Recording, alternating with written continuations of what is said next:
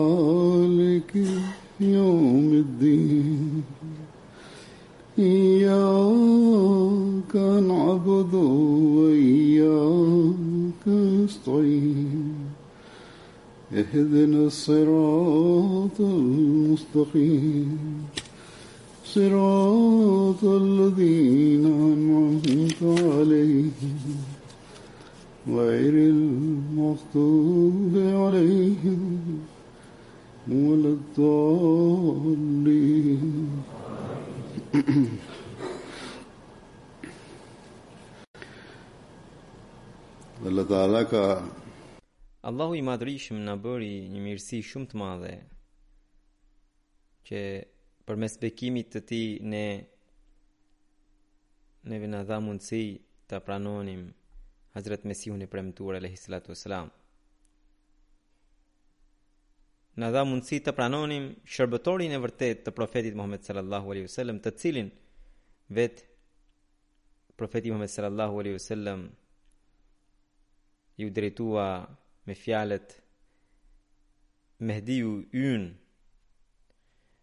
këto fjalë tregojnë dashuri dhe afrimitet me të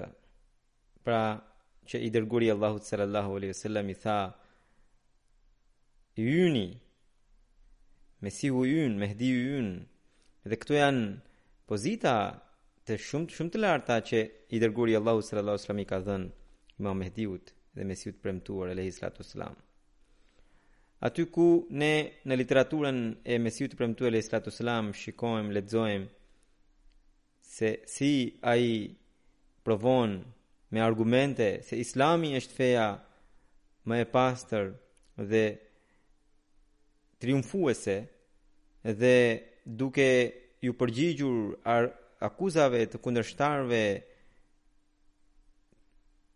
provon se Islami është feja më e pastër, feja e Zotit. Nga ana tjetër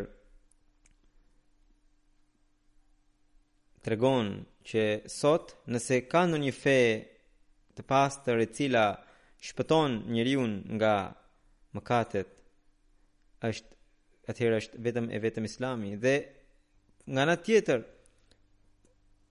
Mesihu i Premtuar alejhis salatu wasallam na ka lënë plot fjalime shkrime që janë si fener për ne në çdo hap që hedhim në jetën e kësaj bote. Ai me shumë dhimbje u drejtua anëtarëve të tij duke u bërë thirrje që ta përmbushin detyrën e Bejtit dhe të bëhen anëtarë të denjë të këtij xhamati. Dhe këtë gjë ne duhet ta kemi parasysh gjithmonë. Dhe pikërisht kjo është mjet i edukimit tonë, pra fjalët e Mesihut të Premtuar alejhi selam. Është pikërisht ky mjeti Pra fjalët e Mesihut të Premtuar alejhi selam janë mjet përmes të cilit ne do të arrijmë kuptimin e besimit. Është pikërisht ky mjeti përmes të cilit ne do të arrijmë rrugët e pëlqimit të Zotit. Pikërisht përmes këtij mjeti ne do të zbulojmë sekrete të pafundme të Kuranit famëlartë dhe është pikërisht ky mjet me të cilin ne mund ta kuptojmë pozitën e lartë të profetit Muhammed sallallahu alaihi wasallam dhe është pikërisht ky mjet përmes të cilit ne mund ta përmirësojmë bindjen tonë dhe është pikërisht ky mjet përmes të cilit ne mund të sjellim përmirësime në veprat tona.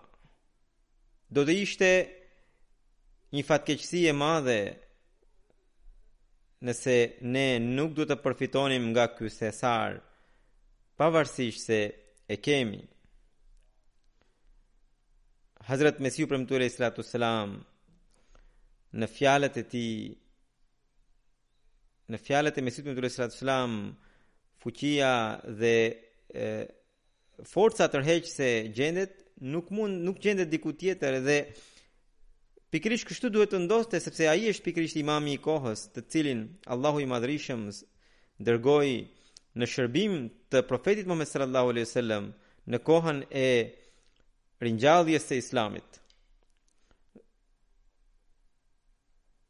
në këtë kohë që njeriu t'i afrohet Zotit të Madhërishëm.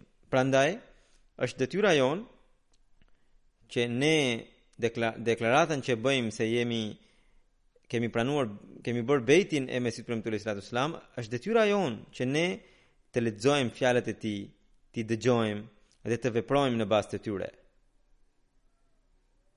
ne të sjellim gjendjen tonë në atë nivel aty ku Mesihu i Premtuar alaihi salatu wasallam dëshironte të na shikonte sot do t'ju sjell disa nga thëniet e tij të cilat janë përbëjnë një kod jetese për ne dhe ku Mesihu i Premtuar alaihi salatu wasallam tregoi se si duhet të jetë standardi i një ahmediani e sidomos në këtë kohë kur bota është bërë materialiste këto fjalë kanë rëndësinë akoma më të madhe Në këtë kohë kur disa prej nesh kanë anuar më shumë nga bota dhe nuk i japin siç duhet rëndësi besimit. Për nga bindjet ne e quajmë veten muslimanë ahmedian, Por kemi akoma plot dobësi në veprat në në dritën e këtyre fjalimeve, këtyre thënieve të Mesihut të Premtuar alaihi salatu wasallam, çdokush nga ne mund të bëjë një analizë se ku jemi dhe ku duhet të jemi. Çfarë është takva? Cili është kriteri i takvas? Çfarë është mirësia? Cila cili është standardi i mirësisë, cilat janë përgjegjësitë tona në lidhje me këtë në një vend. Hazret Mesihu i Premtuar alayhi salatu wasalam thotë: Takvaja e vërtetë, pra druajtja ndaj Allahut,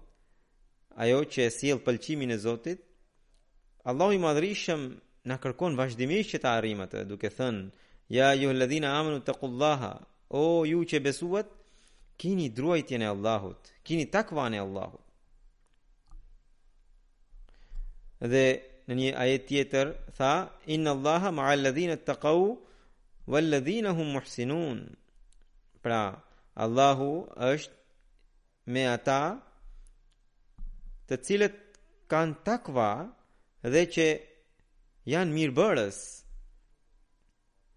Mesihu i Premtuar alaihi salam thotë, takva do të thotë që t'i shmangesh ligësisë, së keqes, ndërsa muhsinun janë ata që bëjnë vepra të mira. Pra, Zoti i Madhërishëm na kërkon që ne të mos mjaftohemi vetëm duke u shmangur nga të këqijat, por edhe të bëjmë mirësi. Dhe mandej tha lil ladhina ahsanul husna, që ata nuk bëjnë thjesht mirësi, por bëjnë mirësi duke i zbukuruar ato.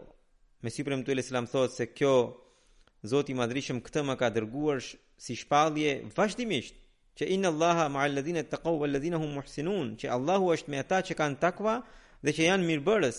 Dhe kaq shumë më më ka dërguar këtë shpallje, saqë unë nuk e numëroj dot. Një Zot e di, ndoshta më shumë se 2000 herë. Edhe kjo ndodhi kështu sepse në mënyrë që anëtarët e xhamatit ta kuptojnë se nuk duhet të krenohen se vetëm e kemi pranuar xhamatin. Këto janë thjesht mendime prej qefi. Shoqërimi me Allahun dhe ndihma e tij do të vijnë atëherë kur do të kemi takvan e vërtetë, edhe kur do të kemi bashkë me takvan edhe mirësinë. Pra, nuk duhet të mburreni vetëm me kaq që nuk bën nuk nuk nuk bëni zina, nuk bëni kurvëri, nuk keni vrarë dikë, nuk keni vjedhur. Këto nuk janë standarde për t'u mburrur. Nuk kanë asnjë vlerë që nëse ju thjesht ruheni nga gjërat e këqija, sepse ata që ruhen nga gjërat e këqija e dinë vetë se Po të vjedhin do t'i kapë ligji. Do t'i fusë në burg.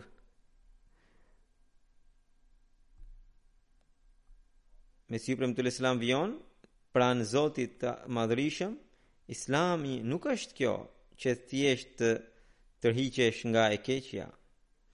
Madje, Derisa, duke i lënë, duke i braktisur ligësitë, nuk përvetëson mirësitë, nuk mund të kesh një jetë shpirtërore. Mirësitë janë si ushqim. Ashtu siç një njeri nuk mund të mbijetojë pa ushqim, në të njëjtën mënyrë, shpirti ynë nuk mund të mbijetojë pa mirësi. Prandaj, hiqni dorë nga ligësitë edhe bëni mirësitë, atëherë do të keni një jetë shpirtërore. Disa ligësi sa shumë ndikojnë tek jeta e njeriut, që njeriu as nuk e kupton, nuk e ndjen, por vjen një kohë kur pikërisht për shkak të tyre Ai vjen nën ndëshkimin e Allahut. Në lidhje me këtë, Hazret Mesihu i Premtuar alejhi selam thotë që disa ligësi janë të mëdha, të gënjesh, të tradhtosh, të bësh kurvëri, të japësh dëshmi të rreme, të bësh shirk, t'i dëmtosh të tjerët. Por disa ligësi janë shumë të imta, aq saqë njeriu përfshihet në to dhe as nuk e kupton se po i bën ato mëkate. Nga i ri plaket, por prapë nuk i kupton se ai është duke i bërë ato ligësi. Kaq të imta janë ato. Për shembull, Mesihu i Premtuar alejhi selam jep shembull që një njeri mund të ketë shprehi për të treguar dobësitë e tjetrit.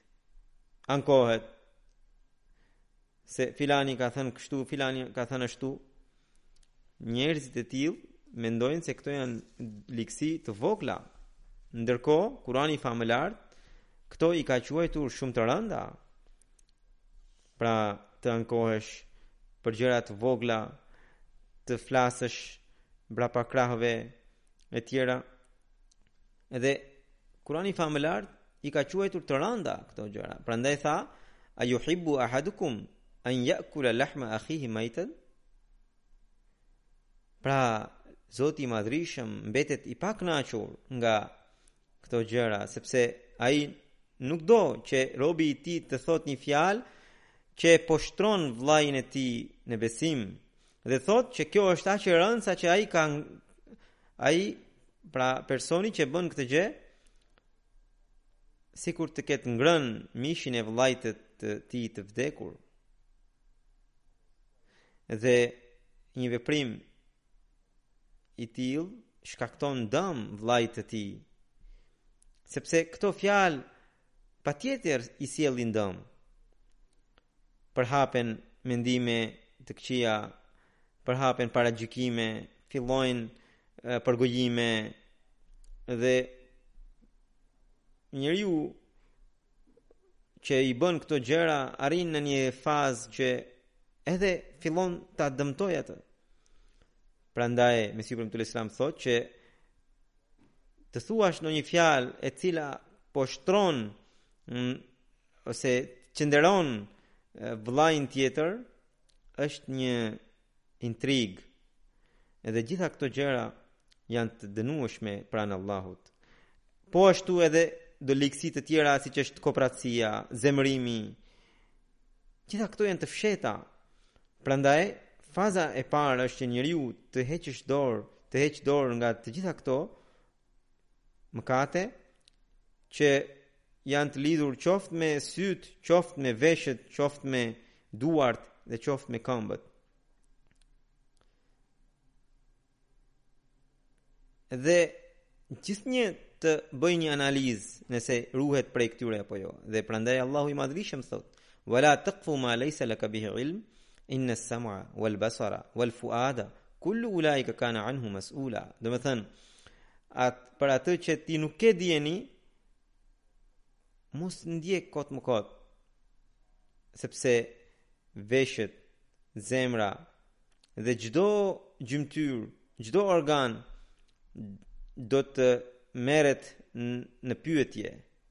Pra, pas vdekjes kur do të jemi përpara Allahut, ne do të japim llogari për këto gjëra. Shumë nga mëkatet përhapen vetëm për shkak të paragjykimeve. Ne nëse thjesht e përhapim një paragjykim pa e hulumtuar, është pikërisht ajo kjo që Zoti i Madhërishëm na ndalon këtu këtu që thotë mos ndiq diçka për të cilën ti nuk ke dijeni. Kjo është shumë e rëndë. Pra, derisa nuk je i vetëdijshëm, derisa nuk i ke parë vetë, derisa nuk ke ti një argument të fuqishëm, mos e ushqe në zemër atë ligësi ose atë fjalë që është në dëm të vëllait tjetër. Nëse këto paragjykime largohen, më shumë se gjysma e çrregullimeve, sherreve mes nesh largohen, do të krijohet një bashkësi, një unitet edhe në këtë botë. Shikojmë që shumë njerëz ndëshkohen vetëm për shkak të një fjale që thonë sepse pas hulumtimit del se është e rreme, Nuk është e vërtetë. Prandaj është më mirë që të tërhiqet dhe të shmanget nga paragjykimi ose nëse dëshiron patjetër të thotë diçka, atëherë duhet të hetojë, duhet të hulumtojë, njeriu është i dobët dhe disa mendime i vijnë në zemër, por Zoti i Madhërishëm nuk e ndëshkon atë vetëm për shkak të ardhjes së këtyre mendimeve, derisa ai nuk vepron sipas tyre. Pra, Allahu i Madhërishëm nuk e kap robin vetëm për shkak të mendimeve, por për shkak të veprimeve që ai i bën duke u nisur nga mendimet në lidhje me këtë se si Allahu i Madhrishëm e ndëshkon, Mesihu i Premtuar alejhi selam thotë: Mendimet që i vijnë në zemër edhe kalojnë, njeriu nuk ndëshkohet për to. Për shembull, dikush mendon që të ketë pasurinë e filanit, Kjo pa dyshim është një lloj lakmie, por kjo ky është thjesht një mendim që papritmas vjen vetvetiu dhe nëse kalon njeriu nuk ndëshkohet për këtë. Por nëse ai e ushqen këtë mendim dhe vendos që do të bëjë diçka që ta arrijë atë pasuri, ose që i vjen mendim që kaq e kam për të paguar taksën, por ja kështu ta pakësoj që të kursoj diçka edhe të vjedh nga kjo taksë, kjo është, kjo është mëkat. Pra, përmes taksës që duhet ta paguante, nuk e ka paguar dhe e dëmton shtetin, edhe nuk e ka thënë të vërtetën. Ose, duke treguar të ardhura të ulta nuk e ka dhënë detyrimin e kontributeve në çandat, pra ka bërë mëkat. Ka plot njerëz të cilët duke bërë ë tradhti qoftë ndaj shtetit, qoftë ndaj xhamatit, duke treguar të ardhura të ulta, vjen një kohë që Zoti i Madhrishëm pikërisht ato të ardhura ë u sjell realisht, pra ua ul të ardhurat. Thotë Mesihu i Premtuar alejhi salatu selam, që e, këto gjëra janë të ndëshkueshme, kur njeriu vendos për mendimet e gabuara që i vijnë, dhe planifikon për t'i realizuar ato, atëherë ai ndëshkohet në botën e materiale njerëzit Kur kanë këto mendime, fillojnë të planifikojnë, fillojnë të bëjnë skema dhe Mesihu i Premtuar alejhi salatu uas-selam thotë se atëherë ai bëhet i ndëshkueshëm. Dhe këto janë mëkate që njerëzit shumë pak i përfillin Dhe pikërisht këto i sjellin shkatërrim njeriut. Ndërsa nga mëkatet e mëdha shumica e njerëzve ruhen, shumë njerëz mund të jenë në botë, të cilët asnjëherë nuk kanë vrarë dikë, nuk kanë vjedhur, nuk kanë rrëmbyer dikë, edhe nuk kanë zhvatur dikë, edhe ka edhe shumë mëkate të tjera të mëdha nuk i kanë bërë. Por pyetja është se sa veta janë që nuk janë ankuar kot, që nuk e kanë përgojuar dikë, që nuk e kanë paragjykuar dikë. ose që nuk e kanë fyer dikë, nuk e kanë sjellë një dëm emocional ose nuk kanë gënjyer nuk kanë thënë një gënjeshtër të vogël, pra edhe gënjeshtra ka shumë degë Dhe Allahu i Madhërishëm thotë se besimtari duhet të jetë kaq i vërtetë saqë çdo mendim, çdo gjë duhet të jetë e vërtetë. Dhe Mesihu i Premtuar alejhi salatu selam thotë që mendimet e tilla që i lindin në zemër nuk duhet të rrënjosen. Dhe Mesihu i Premtuar alejhi selam thotë se unë mund të them me bindje që shumë pak do të jenë njerëz Shumë pak mund të jenë njerëz të tillë të cilët ruhen edhe nga këto gjëra të vogla, pra që nuk kanë paragjykuar dikë, që nuk janë ankuar për gjëra të kota, që nuk e kanë përgojuar dikë, që të paktën nuk kanë sjellë mendime të këqija në në në në në në zemër. Dhe këto i kanë bërë sepse Pra, nga këto janë ruajtur sepse i frikësohen Allahut. Përndryshe, plot njerëz mund të gjeni të cilët rëndom gënjejnë në shoqërinë e tyre rëndom ankohen për gjëra të kota rëndom lëndojnë të tjerët me fjalët e tyre Nëse edhe ne analizojmë shoqërinë tonë, shikojmë që edhe ne përqeshim të tjerët për gjëra të vogla, edhe përgojojmë, edhe për këto arsye krijohen armiqësi. Pra, standardi ynë duhet të jetë që ne duhet të ruhemi edhe nga këto gjëra. Dhe pikërisht kështu shpresohet nga një besimtar. Pastaj Hazrat Mesih Maud alejhi selam thotë, Allahu i madhërishëm thotë se kjo është pikërisht faza e parë që njeriu ta ketë takvanë. Thotë, unë këtu nuk ju tregoj listën e të gjitha ligësive. Kurani famëlartë nga fillimi deri në fund na ka treguar se cilat janë porosi që duhet t'i bëjmë, cilat janë vepra që nuk duhet t'i bëjmë. Besimtari duhet ta recitojë, duhet ta lexojë Kur'anin, duhet ta studiojë Kur'anin famëlartë. Dhe aty në Kur'an thot Mesihu alejhi selam ka 100 degë të ndryshme të porosive që janë përmendura. Shkurt, Zotit nuk i pëlqen që njeriu të përhapë çrregullim Dhe Atij, pra Allahut i pëlqen njëshmëria, uniteti. Atij nuk i pëlqen padrejtësia.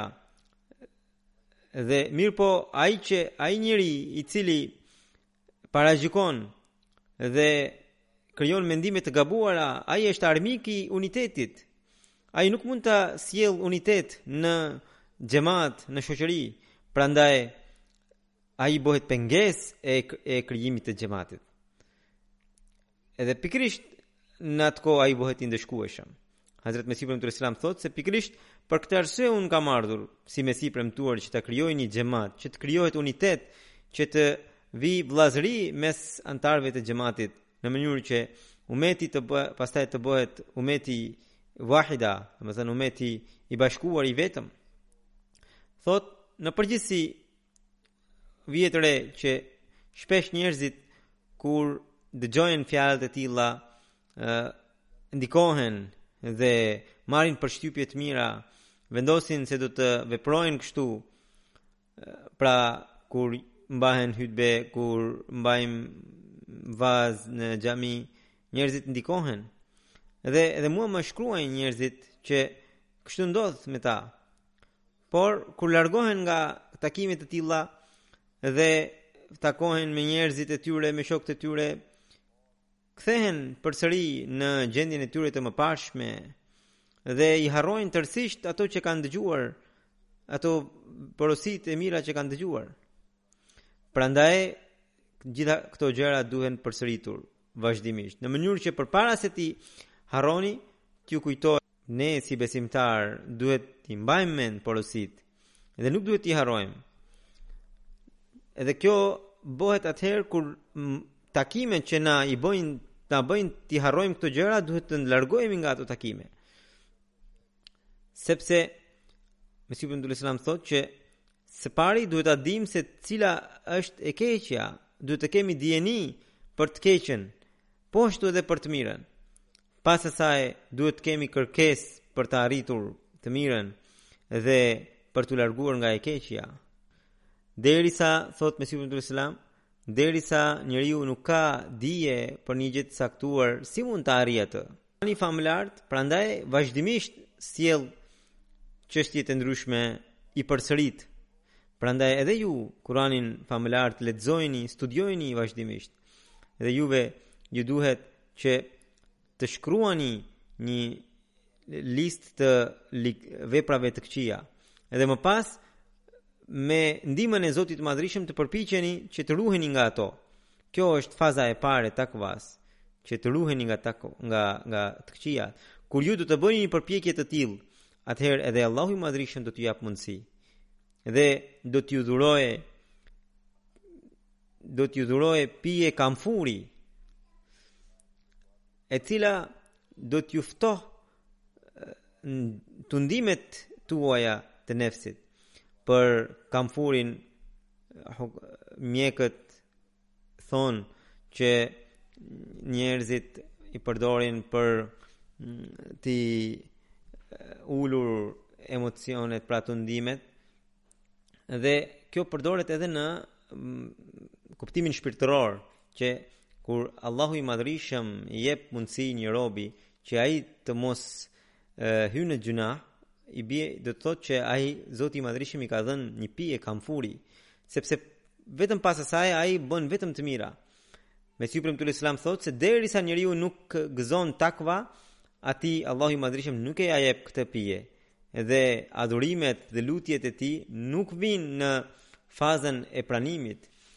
Për adhurimet, për lutjet Gjëja themelore është që ai të ruhet nga të këqijat dhe të përvetësojë të mirat. Kjo është takva. Dhe pikërisht takva është kushti i pranimit të veprave, sepse Allahu i Madhërishëm thotë inna ma yataqabbalu Allahu min al-muttaqin. Që sigurisht Allahu ua pranon atyre që kanë takva, pra adhurimet, veprat, atyre që kanë takva. Kjo është plotësisht e vërtetë, që edhe namazi, edhe agjërimi pranohet nga ata të cilët janë kanë takva. Çfarë do të thotë që atyre u pranohet adhurimi Mesihu i Premtuar alejhi selam e sqaron, thotë që të pranohet namazi do të thotë që të kesh ndikimin e namazit në jetën tënde.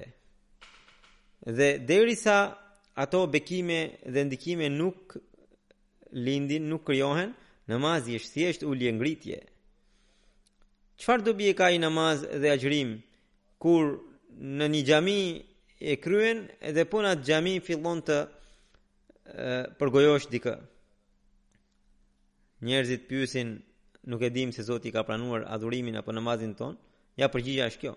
Shenja është që pas namazeve duhet të shikojmë se sa shumë ne ruhemi nga mëkatet e mëdha dhe mëkatet e vogla. A kemi arritur të krijojmë një neveri ndaj mëkateve? A ecim drejt së vërtetës apo jo? Nëse jo, atëherë Mesihu i Premtuar alejhi selam thotë që ato namaze nuk janë namaze, por janë thjesht ulje ngritje.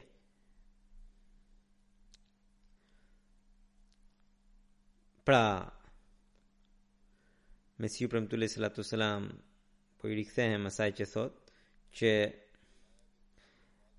në një xhami fal namazin edhe që nga ajo ajo xhamia filloi të përgojonte dikë ose bëri një tradhti ose e, përhapi disa fjalë që nuk duhet të përhapte sidomos përgjegjësit duhet të kenë parasysh që çështjet e xhamatit që atyre u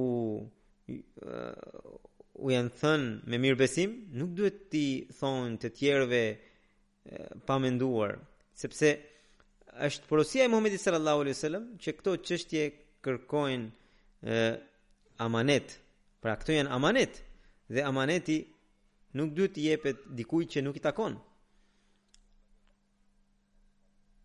Mesihu i Premtuar alejhi selam thotë se nëse njeriu sulmon dikë me fjalë, krijon zili ndaj dikujt e tjera dhe bëhet xhelos për diçka, atëherë çfarë vlere ka namazi i tij? Ka shumë njerëz të rinj më shkruajnë Dhe ata largohen pikërisht për shkak të sjelljes së përgjegjësve dhe më pas ata largohen edhe nga xhamati, largohen edhe nga Zoti i Madhërishëm. Prandaj namazet e tilla që nuk e largojnë njeriun nga të këqijat, jo vetëm që nuk i bëjnë atij dobi, por sjellin dëm të tjerëve. Prandaj nëse dëshironi të mbani brezat e ardhshëm, atëherë më së pari përgjegjësit njerëzit e mëdhenj duhet të krijojnë takva në veten e tyre.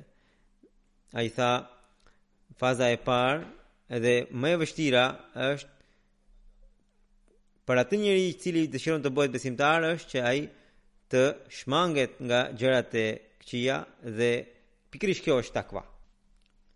Në një vend tjetër, Hazrat Mesihu i Premtuar alayhi salatu wassalam thotë që mbani mend edhe këtë, që takvaja nuk është vetëm që të tërhiqeni nga ligësitë e mëdha, por edhe nga ligësitë më të imta, për shembull përqeshje dhe të ulesh në kuvende ku të tjerët përqeshen për të tjerët ose të ulesh në kuvende ku fyhet qenia e Zotit të Madhërishëm ose e, i dërguari i Allahut sallallahu alaihi wasallam fyhet Edhe kjo është shumë e rëndë tek Allahu. Ose thjesht të, të mos marrësh pjesë, por të jesh i pranishëm në atë mbledhje është ë i ndëshkueshëm tek Allahu.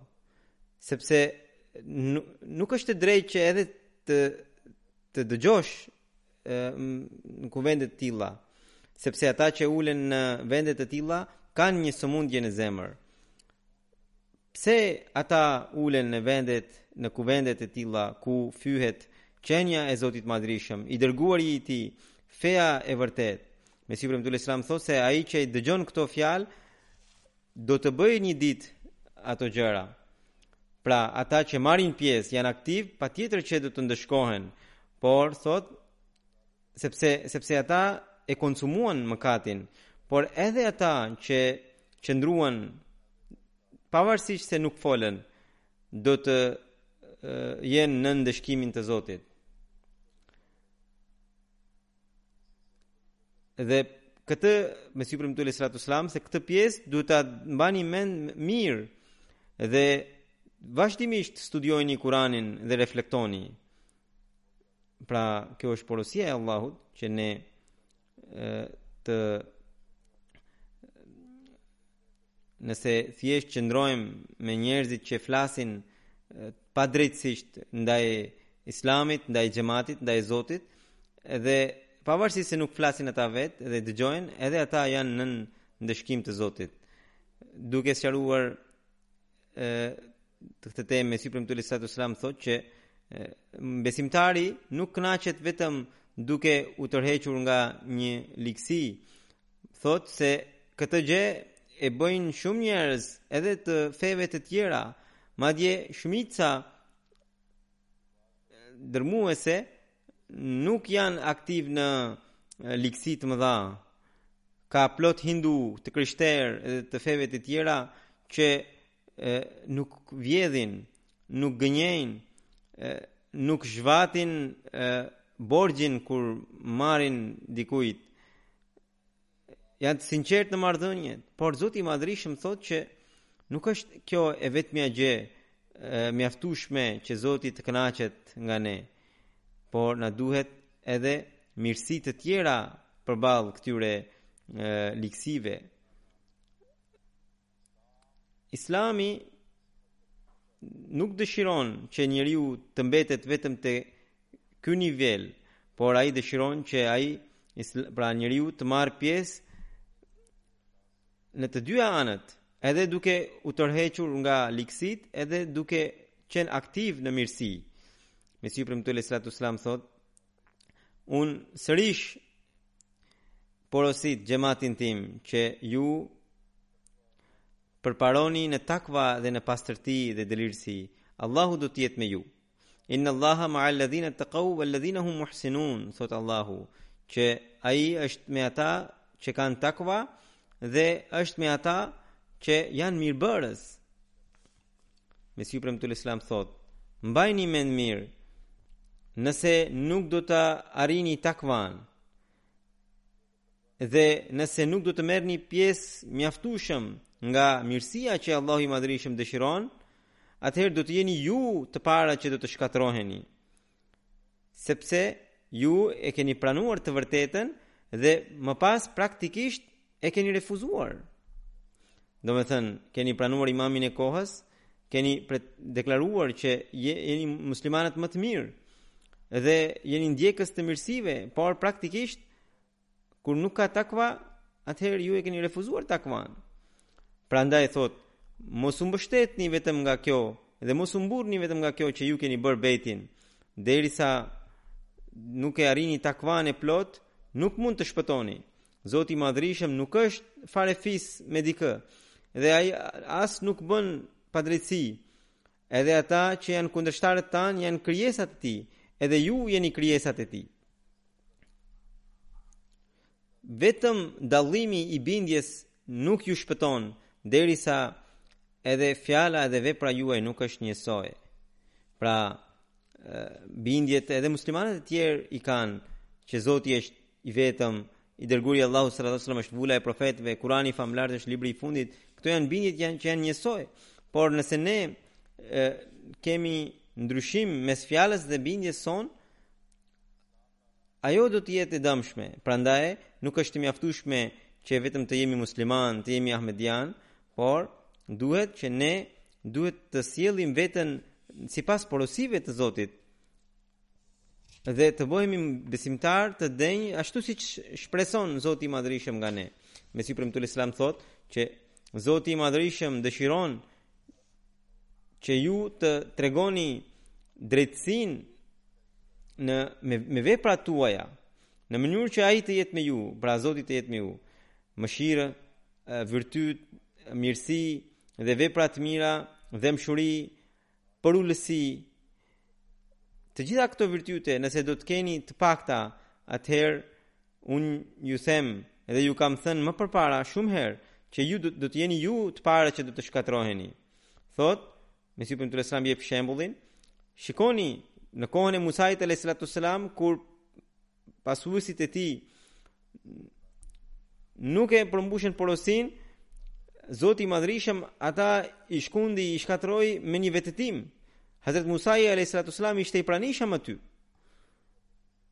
Prandaj edhe ju duhet të e, mendoni duke thënë që si duhet të japim përparësi besimit mbi botën, Mesihu i Premtuar alejhi selam thotë që ne duhet ta ndjekim shembullin e sahabëve të profetit. Kjo nuk është e lehtë që njeriu ta krijojë pra këtë gjendje, siç e kanë treguar sahabët. Ata u bënë të gatshëm për të dhënë edhe jetën në rrugën e Zotit. Prandaj ë kjo pra ky nivel nuk është e lehtë. Nëse ne do t'i përngjajmë sahabëve, do të thotë se ne do t'i japim përparësi besimit mbi botën. Kur atyre u, u është dhënë kjo porosi që jepni jetë në rrugën e besimit, ata më nuk e kthyen kokën pas këto ditë unë tregoj jetën e sahabëve, sahabë të ndryshëm, edhe shikojmë ngjarje nga më të ndryshmet, në çfarë mënyre ata sakrifikoheshin, në çfarë mënyre përparonin në, në takva, cili ishte standardi i tyre i adhurimit. Këto ju përmend që ne të kemi përpara modelin e tyre për për të atyre për të cilët profeti sallallahu alajhi wasallam tha që ata janë si yjet, cilin do të ndiqni, ju do të udhëzoheni. Prandaj sahabët gjithashtu janë model për ne. Mesiu i Premtuar alejhi selam thotë, mbajeni mend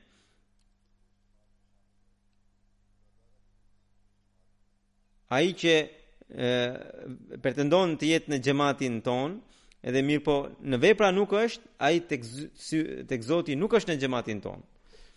Tek Allahu vetëm ai është në xhamatin tim, i cili është i distancuar nga bota dhe më pas Mesiu i Premtuar alejhi selam edhe sqaron që le të mos mendojë dikush që ai do të shkatërrohet nga ky mendim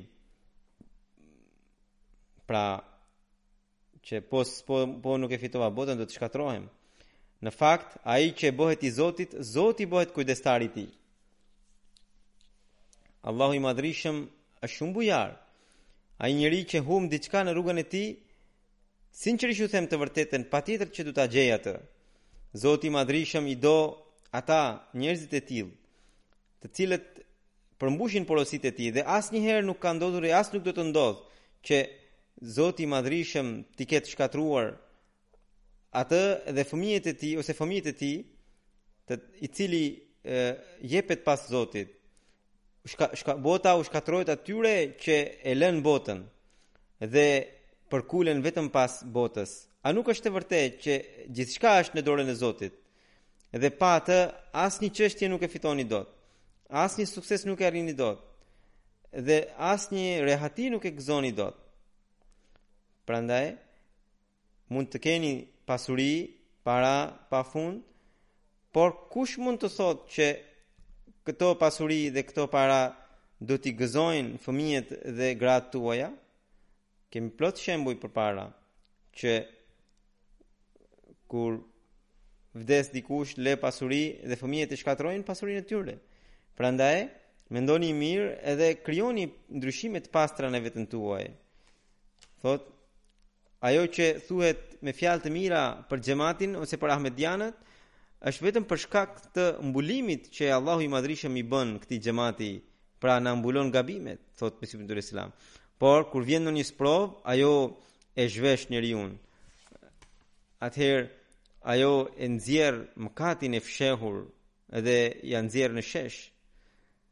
Mesiu i Premtuar alejhi salatu selam këto fjalë ka thënë atë kohë kur anëtarët e xhamatit kanë pasur një standard të takvas në në krahasim me sot ata kanë pasur takva shumë të lartë, por Mesihu i Premtuar alejhi selam prapë se prapë ka pasur shumë dhimbje ndaj anëtarëve. Nëse shikojmë gjendjen e sotme, mund të bëjmë analizë vetë se cila është gjendja jonë, cila është deklarata jonë, cili është standardi i mirësive tona.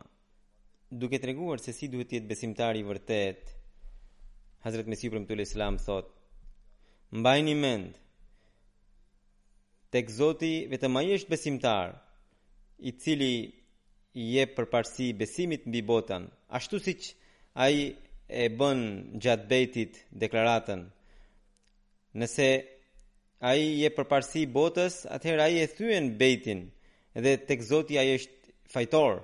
Prandaj, mbani mend, derisa njeriu nuk përmirësohet nga vepra, goja është asgjë. Këto janë vetëm fjalët që i merr era. Besimi i vërtetë është ai i cili futet në zemër dhe pasqyrohet në vepra. Besimi i vërtetë ishte tek Abu Bekri dhe sahabët e tjerë ridvanullahu alejhim, të cilët dhanë edhe jetën për hir të Zotit, edhe nuk u merakosën. Unë gjithmonë mendoj që sa i madh është ai profet, profeti Muhammed sallallahu alaihi wasallam, dhe sa i bekuar ishte populli i tij, që nga fuqia bekuese e tij gjithë ai popull arriti në gradën më të lartë. Mendoni që deri ku i çoi profeti sallallahu alaihi wasallam ata. Një kohë ishte ajo kur ata pra bënin të gjitha ligësitë dhe i konsumonin sikur qumshti i nënës. Pra një fëmijë që nuk jeton pa qumështin e nënës, ashtu edhe ata nuk jetonin pa ligësitë, vjedhje, pije alkoolike, kurvëri dhe çdo gjë tjetër. Por nga edukimi i profetit Muhammed sallallahu alaihi wasallam dhe nga fuqia e tij bekuese, ata sollën ndryshime të tilla që Vetë i dërguari i Allahut sallallahu alejhi wasallam dëshmoi që Allah Allahu fi ashabi, domethënë Allahu qëndron në tek sahabët e mi. Pra, nga dobësia njerëzore ata u bënë shfaqja e Allahut. Dhe ata u bënë si engjëj për të cilët Allahu thotë yefaluna ma yu'marun, që bënin atë që atyre u urdhërohej. Kjo ishte pikërisht gjendja e sahabëve, sepse atyre u ishte larguar dashuria ndaj botës. Hazrat Mesihu i Premtuar alejhi salatu ue selam si duhet të jetë një Ahmedian pasi bën bejtin, tregon në mënyra të ndryshme dhe çfarë lidhje duhet të ketë ai me xhematin dhe më pas me kalifatin sepse Mesihu i Premtuar alejhi salatu ue selam ka parashikuar që pas meje do të vijë kalifati edhe na porositi që duhet të jemi të lidhur edhe me kalifatin Mesihu i Premtuar alejhi selam thotë që dega që nuk mban lidhje me trungun më në fund vyshket dhe bie një njeri që ka besimin e gjallë dhe nuk merakoset për botën Ai e gjen edhe botën. Vetëm ai është i bekuar që i jep përparësi besimit mbi botën, por ai që i jep përparësi botën mbi besimin është si i vdekur, që kurrë nuk gëzo, nuk do të gëzojë ndihmën e Allahut. Bejti do t'ju hyjë në punë atëherë kur do t'i jepni përparësi besimit mbi botën dhe kur do të përpiqeni për të përparuar në këtë drejtim. Bejti është një farë që është mbjellë sot, nëse një bujk mjaftohet vetëm me mbjelljen e farës edhe nuk bën asnjë punë, nuk bën ato detyrime, ato detyra që janë të rëndësishme për rritjen e bimëve, pra as nuk lëvron tokën, as nuk i mbron bimët, as nuk i vadit, a mund të shpresojë ai bujk ndonjë frut Edhe kjo zonë është e bujqësisë. Shumë njerëz që kanë ardhur nga këtu, në këtu pra Huzuri po flet për e, këtë vend ku mban fjalimin dhe thotë se shumë njerëz që kanë ardhur këtu, që kanë kërkuar edhe azil, kanë ardhur nga ë ka, në profesione profesionin e bujqësisë. Pra në vendet e tyre ata kanë pasur profesionin e bujqësisë. Kështu që ju dini shumë mirë këto ë rregullat e bujqësisë dhe prandaj ju që keni ardhur këtu Zoti ju ka sjellë lehtësi, keni gjithë lirinë për të përhapur besimin tuaj dhe për ta praktikuar atë, Prandaj, sidomos ata që kanë ardhur nga Pakistani, kanë detyrën parësore që t'i japin përparësi besimit mbi botën dhe të zbatojnë porositë e Allahut të Madhërishëm, të përpiqen maksimalisht për ta realizuar këtë detyrë. Hazrat Mesihu i Premtuar alejhi selam thotë që ai që nuk kujdeset siç duhet për kopshtin e vet, ose për arën e tij, patjetër që ajo do të shkatërrohet. Ara do t'i lulëzojë atij i cili ndjek të gjitha rregullat, prandaj edhe ju keni bërë një lloj mbjellje fare, thotë Mesihu i Premtuar alejhi selam atyre që që kishin pranuar xhamatin atë ditë. Thotë Zoti e di mirë që çfarë fati ka njeriu, por i bekuar është ai që e ruan këtë farë dhe përpiqet dhe lutet për përparimin e tij. Për shembull, në namazet duhet të keni një ndryshim. Pra, duhet të keni një vëmendje në namaz, jo që thjesht të keni ndërtuar xhami dhe e pas keni mbaruar detyrën, jo duhet të përmbushni edhe detyrën e përmbushjes së këtij kësaj xhamie. Pastaj Mesihu i Premtuar alejhi selam thotë që ë Hazuri thotë se një një porosi shumë të rëndësishme Mesihu i Premtuar alejhi selam na ka dhënë. Ai thotë tani bota po shkon drejt e, ligësie lloj-lloj ligësish po përhapen gjatë bejtit ju bëni deklaratën që do të jepni përparësi besimit mbi botën kjo deklaratë është bërë përpara Zotit edhe është detyra juaj që ju deri në frymën e fundit të jeni të qëndrueshëm në këtë deklaratë. Po nëse mbani mend, nëse nuk do të jeni të tillë, thotë, mbani mend, nëse do të jeni të tillë, atëherë Zoti do t'ju bekojë edhe besimin, edhe botën. Bota është e brishtë dhe zemërimi i Allahut vazhdimisht po bie, po shfaqet. Ai që do të jetojë sipas porosive të Zotit, do ta shpëtojë edhe veten, edhe pasurinë, edhe pasardhësit e tij. Mesihu i Premtuar alejhi selam thotë, shikoni, njeriu ha bukë derisa të ngopet. Edhe e njëjta gjë thotë Mesihu i Premtuar alejhi selam që edhe zemërimi i Zotit, pra Mesihu i Premtuar alejhi selam siç thotë se do të po bie zemërimi i Zotit, edhe ne shikojmë që vetë këta shkencëtarë thonë që ë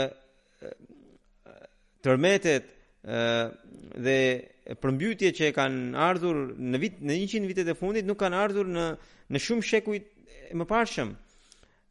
Edhe në këto vende ju keni pasur përmbytje për cilat thuhet që kanë qenë më të mëdha sesa që ishin gjatë 500 vitesh e tjera. Ça janë këto? Këta njerëzit e kësaj bote nuk e kuptojnë, por ne duhet ta kuptojmë. që këto janë shfaqje të zemërimit të Allahut. Mesihu i Premtuar alejhi salatu ves-selam haptas i ka treguar këto gjëra më përpara, para 100 vitesh. Prandaj ne duhet të jemi të vëmendshëm për ta përmirësuar veten dhe edhe botës duhet t'i tregojmë që këto e, katastrofa natyrore nuk janë të vogla, Këto janë të parashikuara që para njëqind e ca vitesh dhe njeriu mund të shpëtojë nga këto vetëm nëse i përkushtohet Allahut të Madhërishëm. Nëse nuk do të bëjë një gjë të tillë, atëherë është e pamundur shpëtimi. Gjithashtu edhe luftra, vazhdimisht nxiten dhe ngacmohen konflikte, njeriu bën padrejtësi ndaj dhe mizori ndaj njeriut tjetër. Ne mendojmë që ka ardhur fundi, por Zoti lëshon shumë, Zoti jep shumë lëshim. Kur dhuna do të kalojë cakun në sytë e Allahut, atëherë do të shkatërrohen popujt mizorë.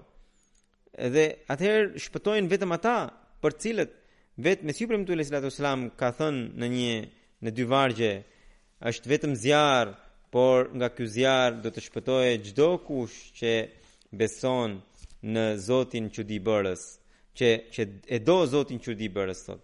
Prandaj është shumë e nevojshme që sot ne t'i kushtojmë vëmendje kësaj pike për ta shpëtuar edhe veten edhe botën. Dhe për këtë të për, të bëjmë përpjekjet maksimale duke përdorur të gjitha aftësitë tona se si ta arrijmë Allahun e Madhërishëm. Mesihu i Premtuar alejhi selam thotë, njeriu ha bukë dhe nuk heq dorë derisa të ngopet. Dhe deri atëherë nuk i largohet uria.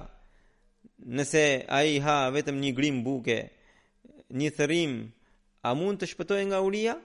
Kurrsesi. Nëse ai fut një pikë ujë në fyt edhe është shumë i etur, ajo pikë e ujit nuk e shpëton. Pavarësisht nga ajo pikë, ai patjetër vdes.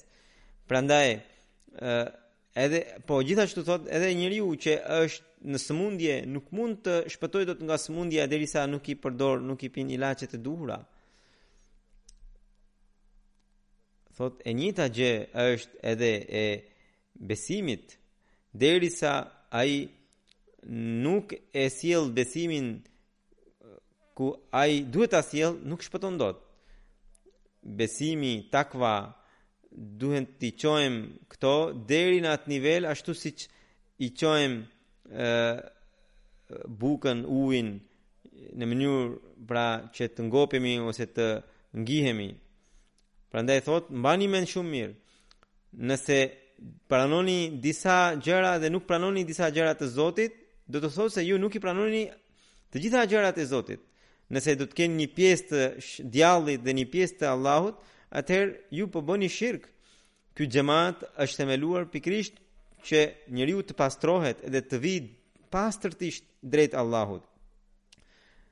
Kjo kërkon një vdekje, por më në fund pikërisht këtu qëndron jeta e tij, jeta e njeriut. Dhe një njeri i tillë do të bekohet, ajo shtëpi do të jetë e bekuar, ajo ai qytet do të jetë i bekuar ku qëndron një njeri i tillë. Derisa bejti është vetëm me fjalë, ajo nuk ka asnjë vlerë. Ashtu siç ju t'i thoni një mijë fjalë një njeriu edhe mos veproni, ai njeriu nuk gëzohet, në të njëjtën mënyrë edhe Zoti i Madhërishëm nuk gëzohet. Zoti i Madhërishëm është sedërmadh, sedërmadhi më i madh. Dhe prandaj në këtë kohë kaq të brishtë, mos u merakosni për botën, mos u mos mendoni se si do të mendojë filani dhe filanja. Deri në frymën e fundit jepini përparësi besimit mbi botën. Ligësitë janë të dyllojshme, Njëra është ajo që t'i bëni shirk Allahut, që të nënvlerësoni madhështinë e Tij, që të mbeteni përtacë në adhurim dhe në përmbushjen e porosive të Tij dhe tjetra është që të e, që të mos përmbushni detyrimet ndaj krijesave të Tij. Prandaj duhet që ju t'i zbatoni të dyja këto porositë për t'u larguar nga të dyja ligësitë. Betimin që keni bërë për t'i dhënë përparësi besimit mbi botën, zbatojeni dhe përmbusheni. Studioni Kur'anin famëlart me vëmendje dhe falni namazet e pesë vakteve dhe asnjë porosi të Zotit mos e shmangni. Pas mbani pastër edhe trupin edhe edhe zemrën, mos kini zili, lakmi ndaj askujt. Këto janë fjalët që duhet t'i zbatoni. Allahu na bëftë që ne ta përmbushim detyrën e bejtit dhe të sjellim ndryshime të pastra në jetën tonë, duke qenë në botë të arrim të japim përparësi besimit mbi botën dhe të përpiqemi për t'i zbatuar kushtet e bejtit, sidomos kushtin e 10 në të cilin Allah, ai thotë që ne të zbatojmë çdo porosi të njohur që vjen prej tij dhe prej kalifit të tij në mënyrë që të e, në kuptimin e vërtetë të fjalës të bëhemi besimtarë dhe të trashëgojmë bekimet e Zotit të Madhërishëm dhe në mënyrë që të shikojmë premtimin e Allahut që ai ka bërë me Mesihun e Premtuar alejhi salatu vesselam.